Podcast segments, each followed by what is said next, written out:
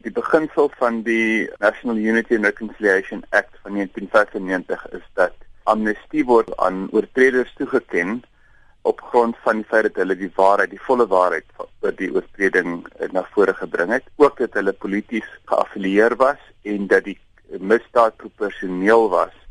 tot die politieke doel wat hulle nagestreef het. Op daai drie grondslae is amnestie toegeken of geweier. En as jy as amnestie aan jou geweier is,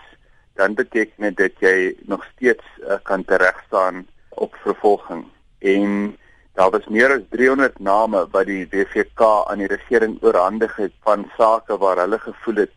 daar 'n moontlikheid van vervolging behoort te wees of enerzijds mense wat geïmpliseer is wat nie na vore gekom het nie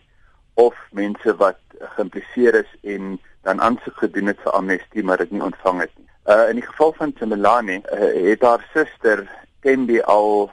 seker 15 jaar terug gesê dat as die oortreders wil vorentoe kom en vir hulle wil meer inligting gee oor die oor die moord en sy bereid om hulle te vergewe en so aan. Maar dit het nooit gebeur nie. En so op die einde in die spesifieke geval is die strafreg die laaste opsie waartoe sy haar gewend het uh, om tot die waarheid te kom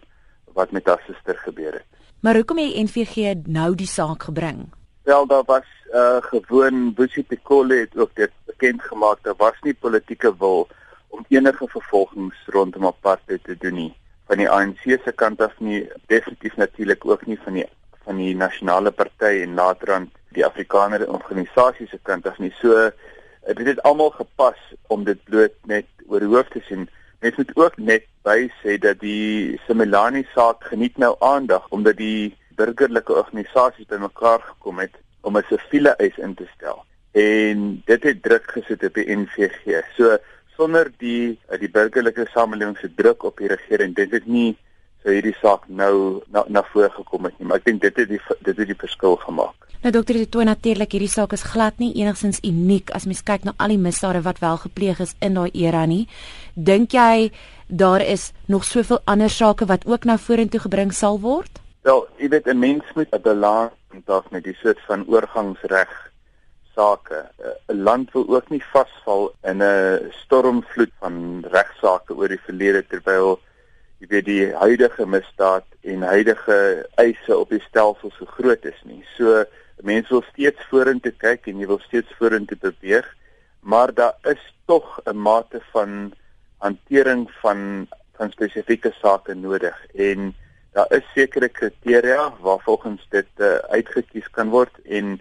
ons uh, oproep op die regering is om te sê maak asseblief die kriteria vir ons bekend sodat ons presies weet op watter gronde julle sulke sake sal dan kies. Ek dink nie dit kan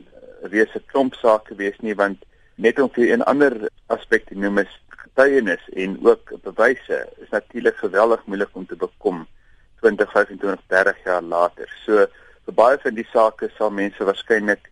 sterk aanklagte kan maak, maar hulle het nie meer die bewyse om om dit te voer nie. So daar waar daar wel bewyse is en waar mense nie deelgeneem het aan die amnestie verhoor nie en waar waar slagoffers dit uh, vereis,